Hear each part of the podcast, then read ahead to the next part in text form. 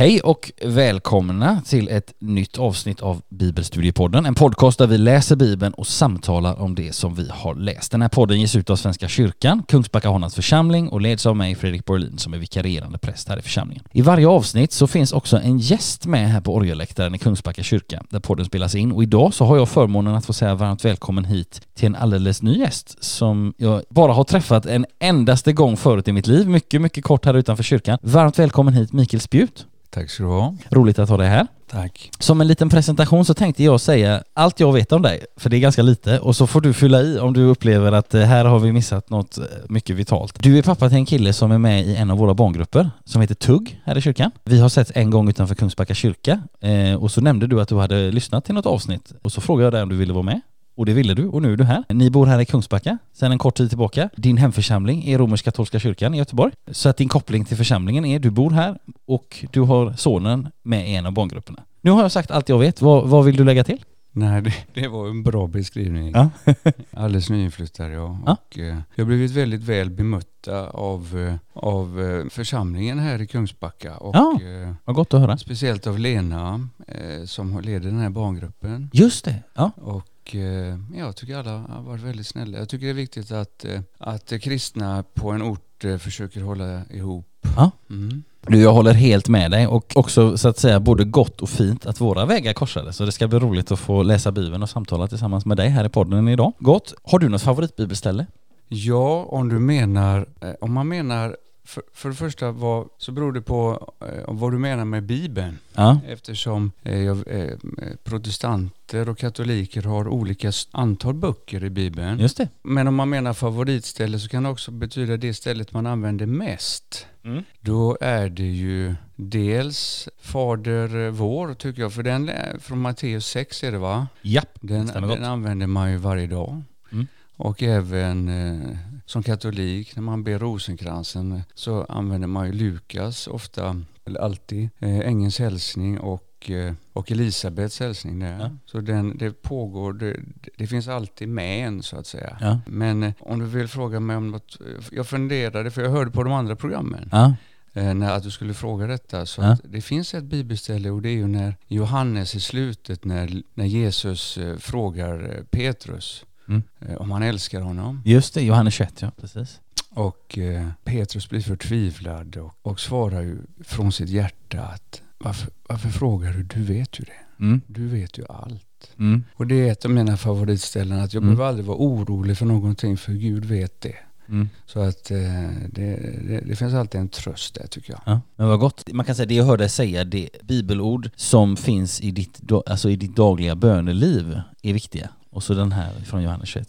Kan man säga så? Är det, rätt gäller, När det uppfattat? gäller bibelläsningen så, så är det ju, det blir ju väldigt integrerat i och med att om man försöker läsa till exempel eller eh, be eh, kyrkans dagliga bön eller Ja, det. tidigärden så, så får man ju del av speciellt varje fall saltare men även andra delar av skriften. Mm.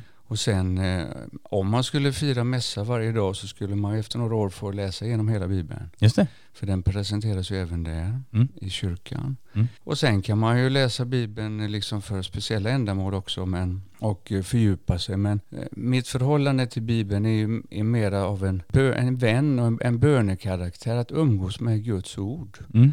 Det, det, det är så jag får se det. Ja, underbart. Tack så mycket Mikael. Och vi kan säga till dig som du hörde Mikael säga för en liten stund sedan det här med att vad menar vi med Bibeln och vi har lite olika antal böcker i Bibeln. Och vad, vad betyder det? Ja, det kan man säga så här att det som, du som har en Bibel 2000 som äger en sådan, då har ju du Gamla Testamentet och så har du Nya Testamentet och så har du där i mitten så har du det som i protestantiska kyrkor kallar för tillägg till Gamla Testamentet eller apokryfiska böcker. Har du en folkbibel, om du äger en sådan, då har du inget av dem, ingen av de böckerna finns med i det tillägget. Men inom romersk-katolska kyrkan, och nu får du rätta mig om jag har fel här Mikael, men där kallar man, dels så kallar man inte de apokryfa böckerna för de apokryfa, utan man kallar dem för de deuterokanoniska, alltså de efterkanoniska skrifterna. Nej, inte efter den andra kanon. Just det, den andra kanon. Bra, men det, tack. Men det är också ett intressant ord därför att Mm. kanon har utvecklats under flera år. Jajamensan. Och eh, det borde kanske heta den åttonde kanon eller något sånt Ja, just det, Alltså, ja. Menar? Absolut. Det har utvecklats. Men det är ju inte bara katolska kyrkan utan det är alla eh, för eh, kyrkor som Ja. har eh, samma böcker. Ja. Och visst är det också så att det som så att säga säga i luthersk tradition kallas för apokryfa och i bland annat katolsk tradition för deuterokanoniska. Visst är det så att det är lite olika ordning och de har lite olika namn och sådär också? Lite grann. Ja. Mm. Och för, för lyssnaren som skulle vara intresserad så om ni har missat de här så skulle jag föreslå att ni läser, om jag får. Ja. Det finns ju en underbar profetia om Jesus i Salomos vishet eh, kapitel 2 ja. som många missar. Ja, Den är fantastiskt tydlig. Mm. Eh, jag för mig att det är kapitel två. Ja. Jag kan ha fel. Men, ja. mm. Gott, tack så mycket. Ja, som sagt, än en gång Mikael, väldigt gott att ha det här. Vi ska göra så kära vänner att vi ska gå in i dagens läsning nu alldeles strax. Som idag är Apostlagärningarna 14. Men vi ska göra så att eh, innan vi börjar läsa, och det är Mikael som kommer läsa idag, vilket är mycket gott, så ska vi bara göra så att vi ska samla oss inför vår läsning, bjuda in honom som vi hoppas ska tala till oss i sitt ord. Så vi ska be. Låt oss be. Jag knäpper mina händer, du som lyssnar är varmt välkommen att vara med och göra det. Låt oss be. Ja, kära Herre, så ber vi dig att du öppnar ditt ord för våra hjärtan och våra hjärtan för ditt ord. Amen. Amen. Ja, idag så ska vi läsa och samtala om Apostlagärningarna 14. Och som en liten kort inledning så vill jag bara säga att dagens avsnitt hänger ihop med det förra. Varför då? Jo, för att förra kapitlet och dagens kapitel handlar om samma sak, nämligen om den första av Paulus sammanlagt tre missionsresor. Första halvan av den första missionsresan i förra kapitlet alltså, och så andra halvan av den första missionsresan i dagens kapitel. I förra kapitlet så sänds Paulus och Barnabas ut från Antiochia. De kommer till Cypern där Paulus börjar så att säga uppträda under just det namnet och inte som tidigare under namnet Saul. Från östsidan av Cypern så tar de sig till västsidan, landvägen, och fortsätter sedan med båt norrut till det som idag är turkiska fastlandet. De fortsätter norrut, inåt inlandet, tills de kommer till Antiochia i Pisidien, det vill säga ett annat Antiochia än det Antiochia som de startade ifrån. Och efter viss framgång i den här stan så blir de till slut tyvärr bortdrivna från området, men Resan fortsätter. Ringarna på vattnet fortsätter sig spridas. Det här som är lite kan man säga en, en verkligen en röd tråd i apostlärningarna. Ringarna på vattnet.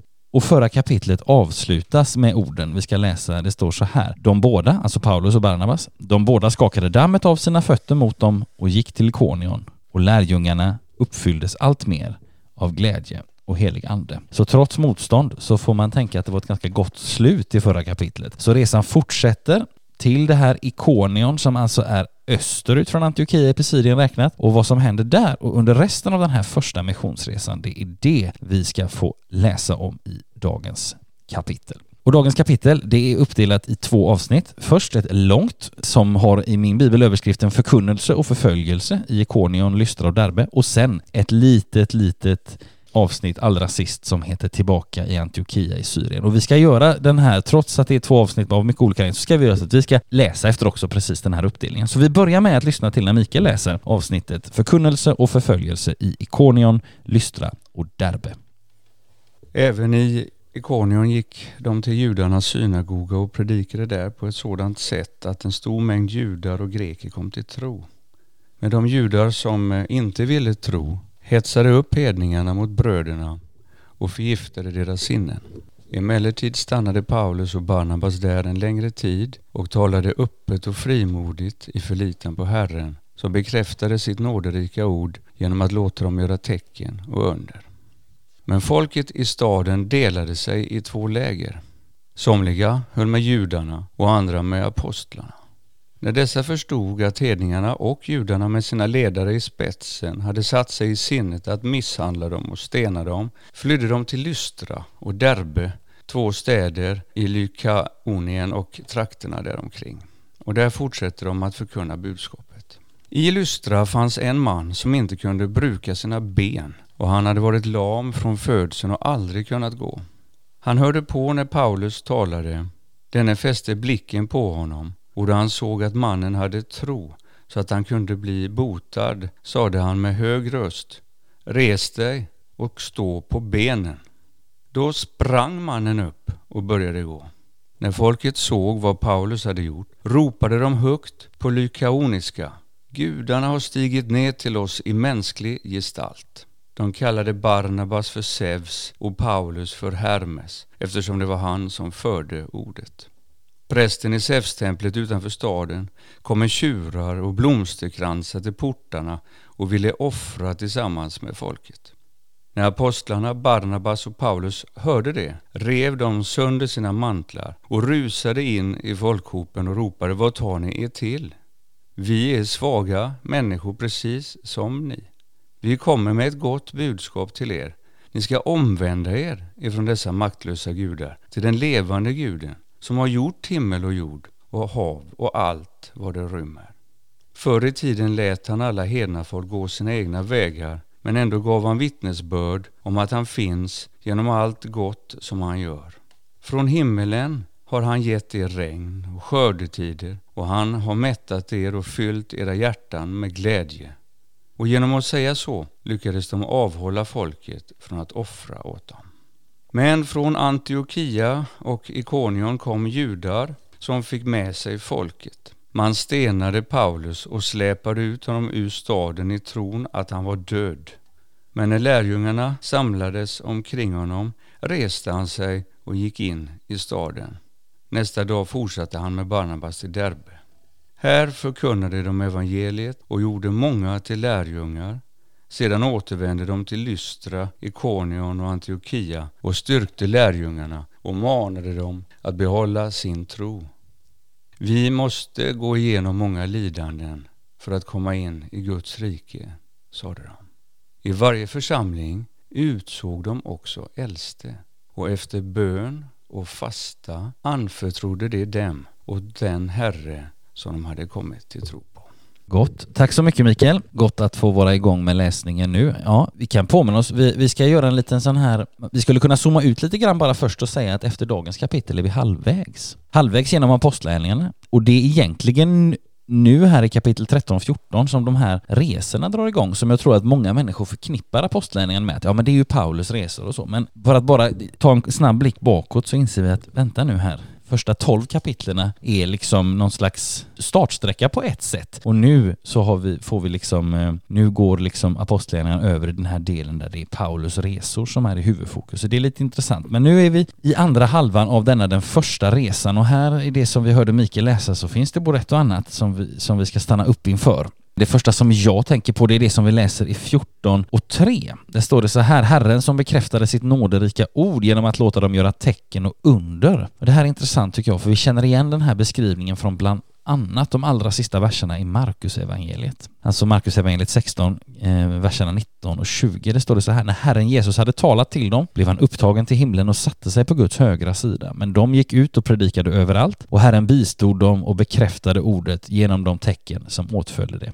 Vi kan också tänka på de allra första verserna i Hebreerbrevet kapitel 2 som har överskriften Ge akt på budskapet om frälsning. Då står det så här. Därför måste vi desto mer ge akt på det vi har fått höra så att vi inte tappar kursen. Redan det ord som förmedlades av änglar var giltigt och varje överträdelse och ohörsamhet fick sitt tillbörliga straff. Hur skall då vi slippa undan om vi inte rätt uppskattar en sådan frälsning, den som Herren först förkunnade, som vi har fått bestyrkt av dem som hört honom och som Gud själv har bekräftat med tecken och under och olika slags kraftgärningar och genom att dela ut helig ande efter sin vilja.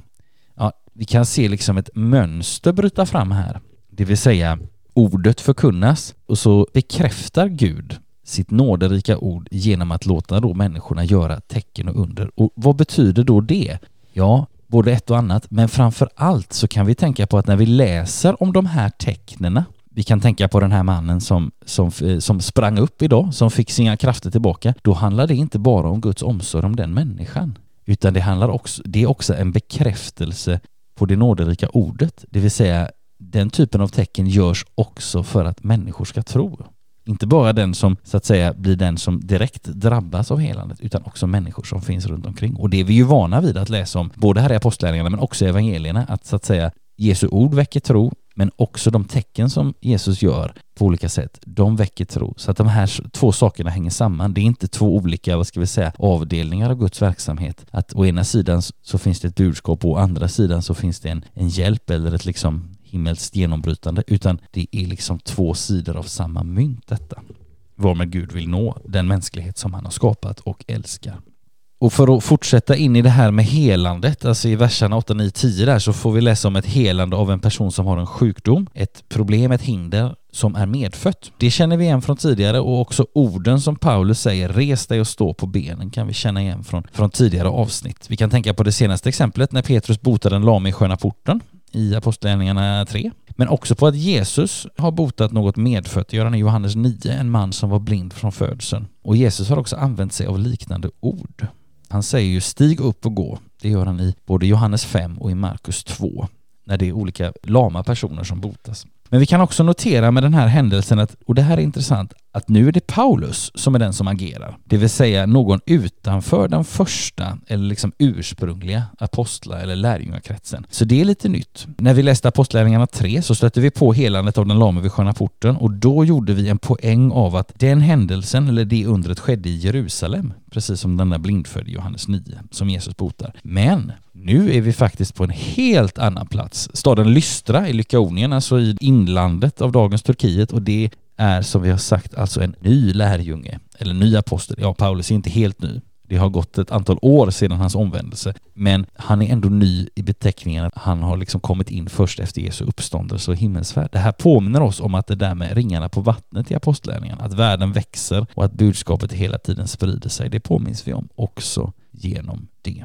En annan sak som är intressant när vi är inne på det här med botandet, det är ju det här som vi läser i vers 9 när det står att han såg att mannen hade tro så att han kunde bli botad. Och här tycker jag det finns två intressanta saker. Dels är det ordet botad. Man kan fundera på om det är den bästa översättningen. Ordet som används här skulle också kunna betyda att han hade tro så att han kunde bli räddad eller frälst. Det är den ena tanken. Det andra är dels vad är det som verkar botandet? Är det min tro alltså jag som behöver botandet, eller är det den personen som ber om, som uttalar botandet över en annan? Är det den personens tro det kommer an på? Och det kan leda över i frågor som, måste man ha ett visst mått av tro för att kunna bli botad? Och måste man ha ett visst mått av tro för att kunna bli räddad i bemärkelsen frälst? Det här är frågor som jag tror människor brottas med och eller som man kanske kommer i kontakt med när man till exempel läser det här avsnittet och så tänker svaret här är Guds nåd och Guds kraft. Alltså det är Guds nåd och kraft som verkar tron i oss, precis som det är Guds nåd och kraft som verkar helanden. Men vi människor kan vara verktyg för Guds ande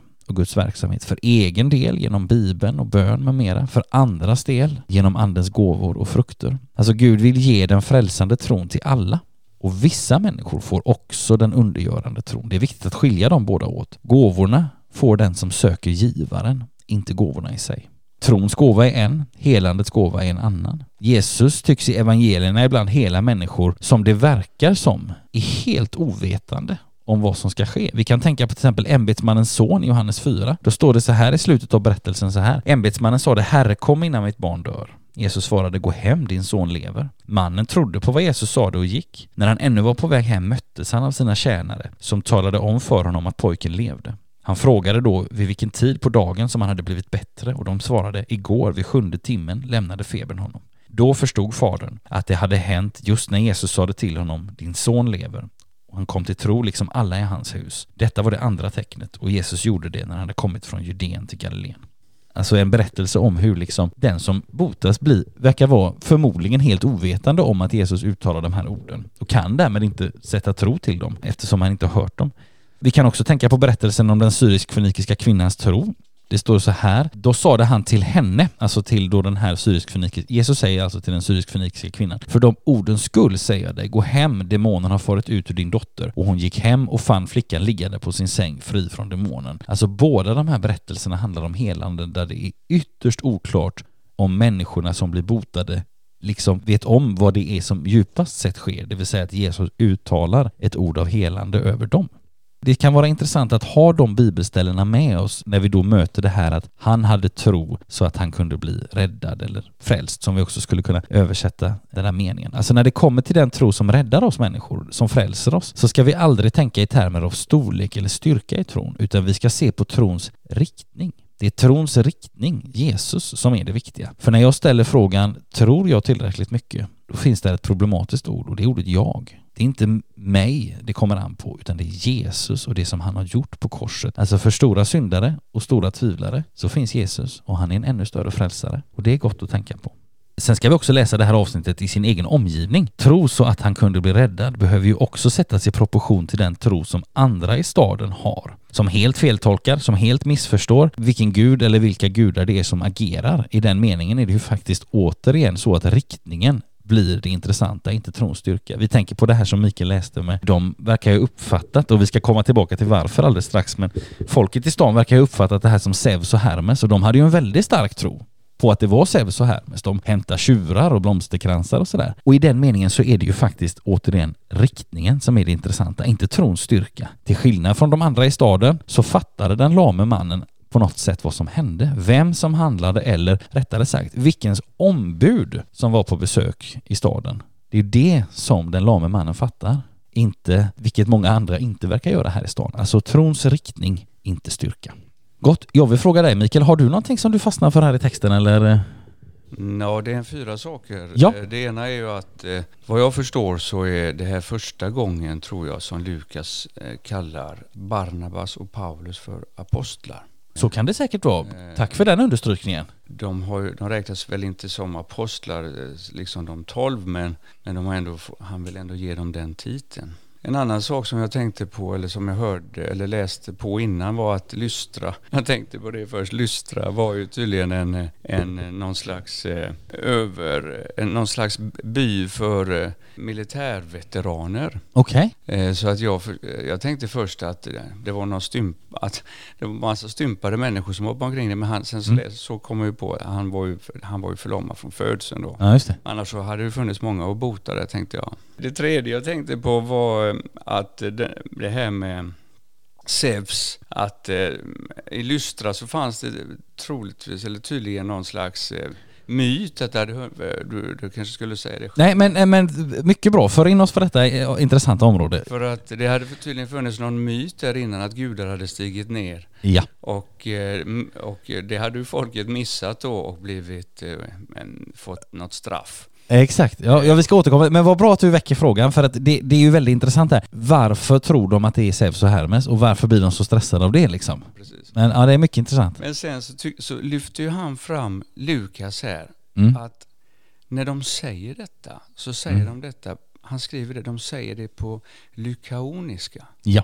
Och det är tydligen ett språk eller ett dialekt som inte är så väldigt vanlig. Nej. Så de, de kanske först inte fattade vad de sa. Nej. Och när de väl fattar sen, det är då de blir upprörda och river Ja. sönder sina kläder. Och, Ja. och då gör de någonting som är väldigt intressant. Ja. Och det som också, tror jag, alla, hel, alla helgon pekar på. Ja. Kungsbacka har ju ett eget helgon, Just det. Sankt Gertrud, Ja, som, har en kyrka här i Kungsbacka också. som syns överallt. Kommunvapnet bland annat. Jajamän. Och eh, helgon, vad ska man säga, vad helgon alltid gör, Mm. det är att när det händer någonting så pekar de alltid på Kristus. På, inte på sig själva. Nej, det. Och det är det Paulus och Barnabas gör här. Det är Mm. inte vi, Nej, det är Gud. ja, exakt. Och det är en väldigt fin egenskap som man kan faktiskt återse hos alla helgon. Ja. Man kan tänka på, eller jag rättare sagt, jag tänker på ett av mina favoritbibelord. Ord som Johannes döparen säger i Johannes 3. Han ska bli större och jag mindre. Alltså det är, det är sådana här, det är ord att ta till sig också för egen del. Det sista som jag tänkte på var det som står i slutet där på stycket att, eh, att de eh, utsåg eh, äldste Mm. och att jag för mig att, att utse Mm. på grekiska är att betyder någonting med att förlänga någons arm, alltså man får en auktoritet och man kan se den här, att de utsåg äldste, det heter ju pres, presbyteros va? Just det, jajamensan. Präster. Mm. Och eh, det kan man ju redan då se tidigt den här hierarkiska strukturen, att det var inte vem som helst som fick utse dem. Ja, det. Utan det var ju de här apostlarna som fick utse de här äldste. Och jag tänker också att det här att Lukas väljer att kalla, ska vi se, vi ska bara se vilk, vilken vers det är som de kallas apostlar. Det är vers eh, 14. Då ska vi se här, det är vers 14. När apostlarna, Barnabas och Paulus hörde det. Just det. Och då, då tänker jag, vad är det som har hänt som gör att Lukas kan göra det? Och jag tänker att vi finner det i kapitel, i början av kapitel 13. Det står så här i vers 2. Avdela Barnabas och Saul för den uppgift jag har kallat dem till. Efter fasta och bön lade de sina händer på dem och skickade iväg dem. Jag tänker att det är de båda, så uppfattar jag det, de båda sakerna hänger ihop. Det fanns ju fler, vad jag har fattat som så fanns det ju även andra som kallades apostlar. Men när, eh, när Judas eh, dog så de utsåg eh, Mattias. Jajamensan, Mattias. Då valde de ju en som hade sett Jesus, Mm. varit med under hela tiden Japp. och varit vittne till uppståndelsen. Och det är ju Ja. varken Paulus eller Barnabas vad vi vet. Så de är ju apostlar av ett annat slag. Ja, och Paulus kan ju också tala om sig själv som apostel i något sammanhang. Jag tror att det är Galaterbrevet. Men då säger han också, jag är dock den minste av alla apostlar. Och inte värdig att kallas apostel. Så att man får, man får tänka sig att det är, en, det är en titel som har blivit honom given, men som han lite kanske, lite motvilligt kanske uppträder under på något sätt. Det skulle ju ligga helt i linje med det du säger här Mikael. Gott. Ja, bara för att säga någonting mer också om, um, apropå de här sakerna som du tog upp, för här, här är ju ett väldigt, väldigt märkligt skeende i den här staden som du, du var inne på där och så tänkte jag skulle bara säga någonting mer om detta med Zeus och Hermes. Alltså enligt en legend som återges av skalden Ovidius så hade Zeus och Hermes, alltså i grekisk mytologi den högste guden Zeus och vältalighetens gud Hermes, de hade en gång i tiden besökt de här trakterna i mänsklig gestalt. Och de här två gudarna skulle då ha blivit så upprörda över det dåliga mottagandet, alltså de kändes inte igen och fick inget eh, tillbörligt mottagande, att de utplånade den dåtida staden. Det här var alltså en, någon typ av legend eller myt som liksom levde i de här byborna eller stadsbornas, alltså i deras eh, sinnen på något sätt. Och nu när det dyker upp två personer, det finns någonting hos Barnabas som påminner om Zeus och det finns någonting hos Paulus som påminner om Hermes, alltså hans vältalighet, får vi tänka, alltså är ju det. Då uppfattar de, aha, här är Zeus och Hermes och eftersom de, vi inte vill att de ska förgöra hela staden en gång till så är det bäst att vi slår på den största tänkbara trumman och eh, ordnar med allting. Och det här skulle kunna förklara folkets vördnad för Paulus och Barnabas. Och sen är det intressant det som du också lyfter fram där Mikael, att de ropar på lyckaoniska. Vi hörde Mikael läsa i vers 11 så här när folket såg vad Paulus hade gjort. Ja precis, det är ju också kraften där i helandet. Ropade de högt på lykaoniska, gudarna har stigit ner till oss i mänsklig gestalt. Och sen så händer det en massa grejer och först sen i vers 15 frågar de vad tar ni er till? Vi är svaga människor precis som ni. Och det, det här måste ju förklaras av att de förstår inte vad det är de ropar på lykaoniska för då hade de protesterat redan innan. Jag trodde när jag stötte, när jag stötte på den här texten i vår bibelstudiegrupp i församlingen så var jag helt säker på att lykaoniska var en grekisk dialekt som Paulus och Barnabas förstod. Eh, men sen var det en, en deltagare i bibelstudiegruppen som, som upplyste mig om att så är det inte alls. Och det är också, det hjälper oss också att logiskt förstå varför Paulus och Barnabas inte ingriper tidigare. De förstår helt enkelt inte vad det är som sägs, men när de här tjurarna och blomsterkransarna kommer, då förstår de liksom vad som är ofärde färde och därmed så reagerar de. Och det är också gott, tänker jag, att den här reaktionen också just att säga vad gör ni? Det är inte mig det handlar om, det är inte oss det handlar om. Alltså, och det som du delar här Mikael med, med helgonen, att inte peka på sig själv utan att peka på Kristus. Alltså ungefär som Johannes döparen i i eh, Johannes 3. Han ska bli större, jag mindre. Det är, det är väldigt gott och det är ord för oss att tänka på idag också. Så det är gott. Ja, jag har några saker till som jag tänkte ta upp här, men jag vill bara fråga dig först Mikael, har du något mer som du tänker på kopplat till detta avsnittet eller så? Nej, jag, jag ville bara säga att jag eh, vill ge en eloge. Jag tycker du är väldigt eh, duktig, alltså i, i detaljnivå. Det är mycket, Du är väldigt, väldigt eh, kunnig. Sen finns det ju ett visst mått av förberedelsetid får man ju säga också, så att det är ju inte jag som öser ur min egen vishetskälla utan det är många andras. Men, men det, är, det, är ett, ro- det är ett roligt arbete, det är det. Nu är jag ju en gammal gubbe, men, Ja. eh, eller ja, jag är ju eh, 52, men, Ja. men när, eh, när jag var yngre så, så, jag vet inte om man säger det fortfarande, att man är bibelsprängd, säger man det? Ja, man kan använda det uttrycket ja. Det, det betyder inte att man var bombad, utan Nej, att man nej. var insprängd, allting i en liksom. Kan säkert finnas de som uppfattar, eh, uppfattar mig som bombad också, det vet jag inte. Men, nej, men det är roligt och det, det kan vi ju samtidigt, det kan vi också samtidigt vara öppna med att här finns ju ett, för varje avsnitt så finns det ett förberedelsearbete och inför varje avsnitt så finns det också ett, ett manus så att säga som används för att, eh, inte för att vi ska framstå som kunnigare än vad vi är, vi som sitter här, men för att så att säga det ska bli ett kondenserat lyssnande för den som lyssnar.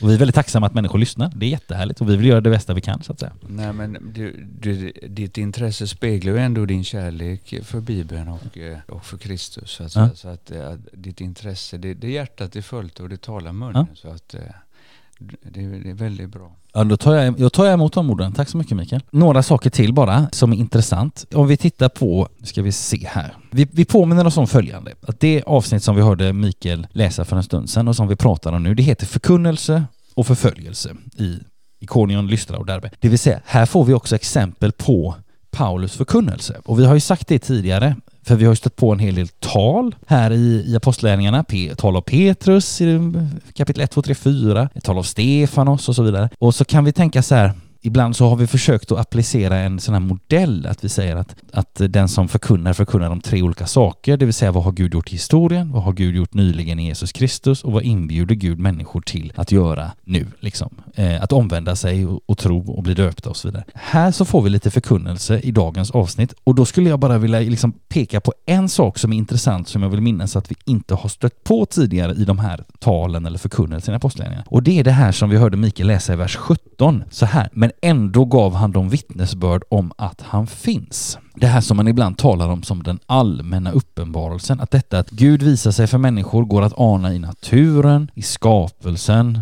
på ett allmänt sätt. Alltså komplementet då, eller nästa steg, det är ju den särskilda uppenbarelsen, som är det här att Gud också på ett särskilt sätt uppenbarar sig i Jesus Kristus och i sitt ords helhet. Vilket i sin tur, nu blir, det en, nu blir det en lång utveckling här, vilket i sin tur kan föra tankarna till ett väldigt härligt bibelställe. Ett bibelställe där båda de här sorternas uppenbarelser visar sig, nämligen i Saltaren 19. Nu återkommer vi till Saltaren här Mikael, som du nämnde för ett tag sedan. I Saltaren 19, verserna 2 till 11 läser vi så här. Först är det liksom att Gud låter sig bli känd i någon mån inom naturen i den allmänna uppenbarelsen och sen i den särskilda. Så jag ska läsa här i Saltaren 19. Det står så här. Himlen förkunnar Guds härlighet och himlavalvet vittnar om hans verk. Dag talar till dag därom och natt undervisar natt. Det är inte tal, det är inte ljud. Deras röster kan inte höras, men över hela jorden når de ut till världens ände, deras ord.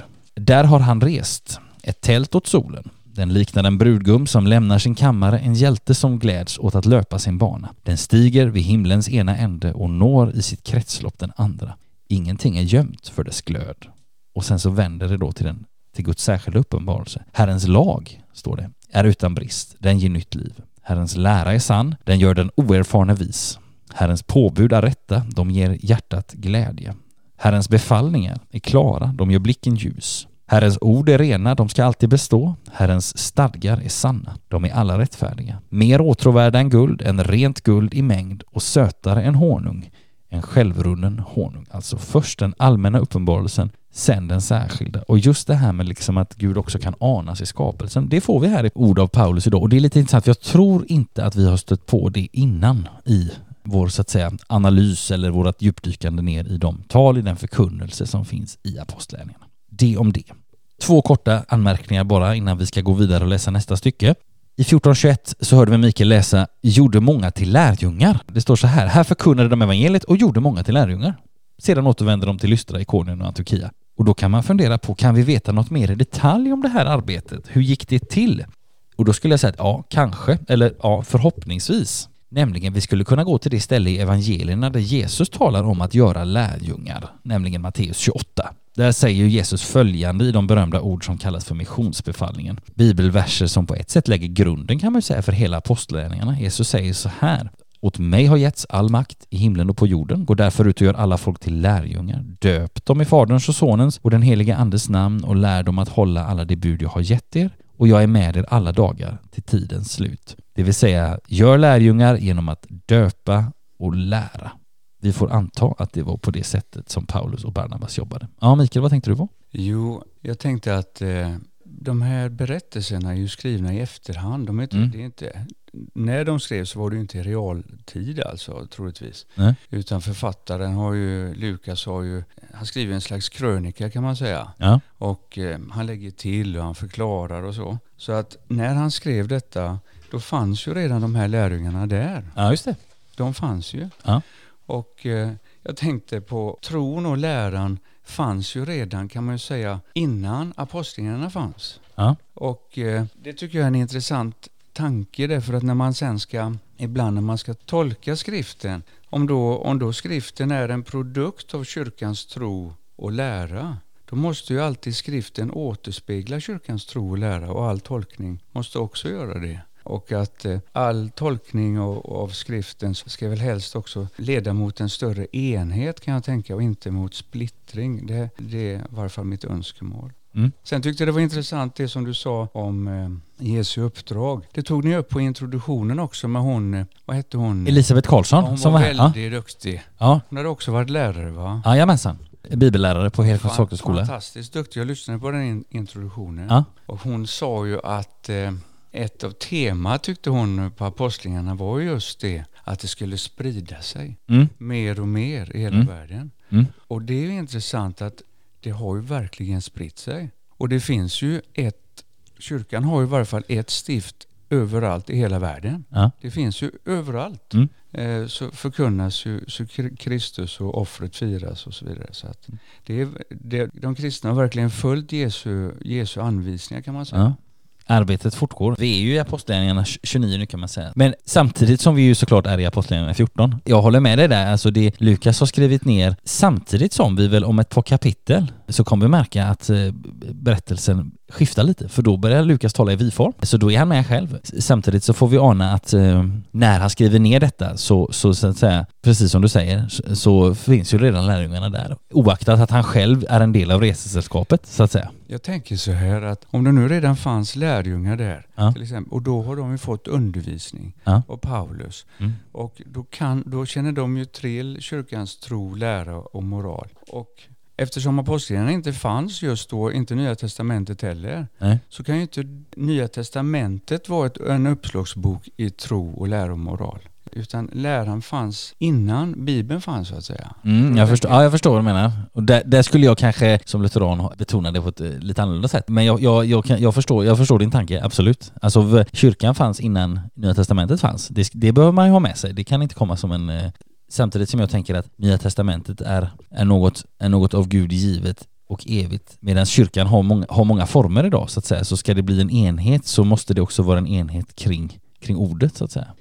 Gott. En sista tanke som jag hade eh, som jag ville dela med er lyssnare. Det är det som vi läser i 1422. Det står så här, vi måste gå igenom många lidanden för att komma in i Guds rike. Vad ska vi göra av det? Ja, inte så som ett krav, men så som något som vi har pratat om innan. Jag ska, det ska inte handla om självpåtagna lidanden, utan någonting som vi har pratat om innan, det vill säga att vara en Jesu lärjunge innebär att följa Jesus och göra sådant som han gjorde. Och en sak som han gjorde det var att lida. Jesus talar också om kommande lidanden för den som följer honom, för att vi när den tiden kommer inte ska komma på fall, utan komma ihåg att han har sagt det i förväg. Alltså lidande är stundtals en ingrediens i lärjungaskapet, så är det. Men det är ett lidande efter hans exempel, där han är med. Så det, det kan vara gott att bara säga någonting om det. Gott. Vi har ett avsnitt kvar, ett litet, litet kort summerande avsnitt som vi ska lyssna till nu när Mikael läser och som i min bibel har överskriften Tillbaka i Antiochia i Syrien. Sedan for de vidare genom Besidien och Pamfylien och när de hade förkunnat ordet i Perge fortsatte de ner till Ataleia. Därifrån seglade de till Antiochia, den plats där man hade överlämnat dem åt Guds nåd inför det uppdrag som de nu hade fullgjort. Efter sin ankomst dit kallade de samman församlingen och berättade om hur mycket Gud hade gjort genom dem och hur mycket han hade öppnat trons dörr för hedningarna. Och de stannade en ganska lång tid hos lärjungarna där. Tack så mycket. Ja, så får vi alltså en sammanfattande redogörelse för återresan tillbaka till utgångspunkten eller missionsstationen eller vad vi ska nu säga, alltså Antiochia i Syrien, den stora världsstaden, romarrikets tredje stad. Några korta saker bara. Ataleia nämns, alltså en ort sydväst om och mycket nära Perge, alltså längs Turkiets sydkust. Det är en sak. Och sen så, så tycker jag som en, också en, en intressant avslutning här. Vi läser i, i vers 27 så står det så här. Jag läser versen i dess helhet. Efter sin ankomst dit kallade de samman församlingen och berättade om hur mycket Gud hade gjort genom dem och hur han hade öppnat trons dörr för hedningarna. Det vill säga hur Gud hade öppnat den dörren. Det här är en annan sak som vi har sett en hel del av i apostlärningarna och som vi med fördel kan ta till oss. Att ständigt peka på Gud som den som ger växten, öppnar dörrar, leder vägen framåt. Han är den som är verksam, men vi får vara med på ett hörn och det är väldigt stort. Han vill använda dig och mig för sitt rikets utbredande och för sitt namns skull. Det är häftigt. Det har vi sett i dagens läsning, både i Paulus och Barnabas reaktion eh, över att eh, ha blivit misstagna för att vara Zeus och Hermes, men också när de då återberättar att det är han som har öppnat trons dörr. Det tänker jag, det har varit en röd tråd i vårt samtal också idag Mikael. Detta med att så att säga inte peka på sig själv utan peka på Kristus. Och jag tänker att det är goda slutord också eh, för det här avsnittet. Att inte peka på sig själv utan peka på Kristus. Låt oss ha de orden som sammanfattning över dagens kapitel. Jag vill tacka dig så mycket Mikael för att du eh, antog inbjudan och kom hit. Jag vill tacka dig och jag vill också tacka helige Gertrud för jag, det är min uppfattning om att hon kan vara den orsaken till att eh, den kristna tron fortfarande finns här i Kungsbacka. Mm. Och det är, min, eh, det är min tro att hon ber för oss ständigt Mm. inför Gud. Stort tack till dig som varit här, Mikael. Mycket gott att få läsa Bibeln och samtala tillsammans med dig. Stort tack också du som har lyssnat. Hoppas att du har fått med dig någonting ifrån dagens avsnitt. Tills vi hörs igen, vilket jag hoppas att vi gör, så önskar både jag och Mikael dig som har lyssnat allt gott och Guds rika välsignelse. Hej då! Tack så du ha.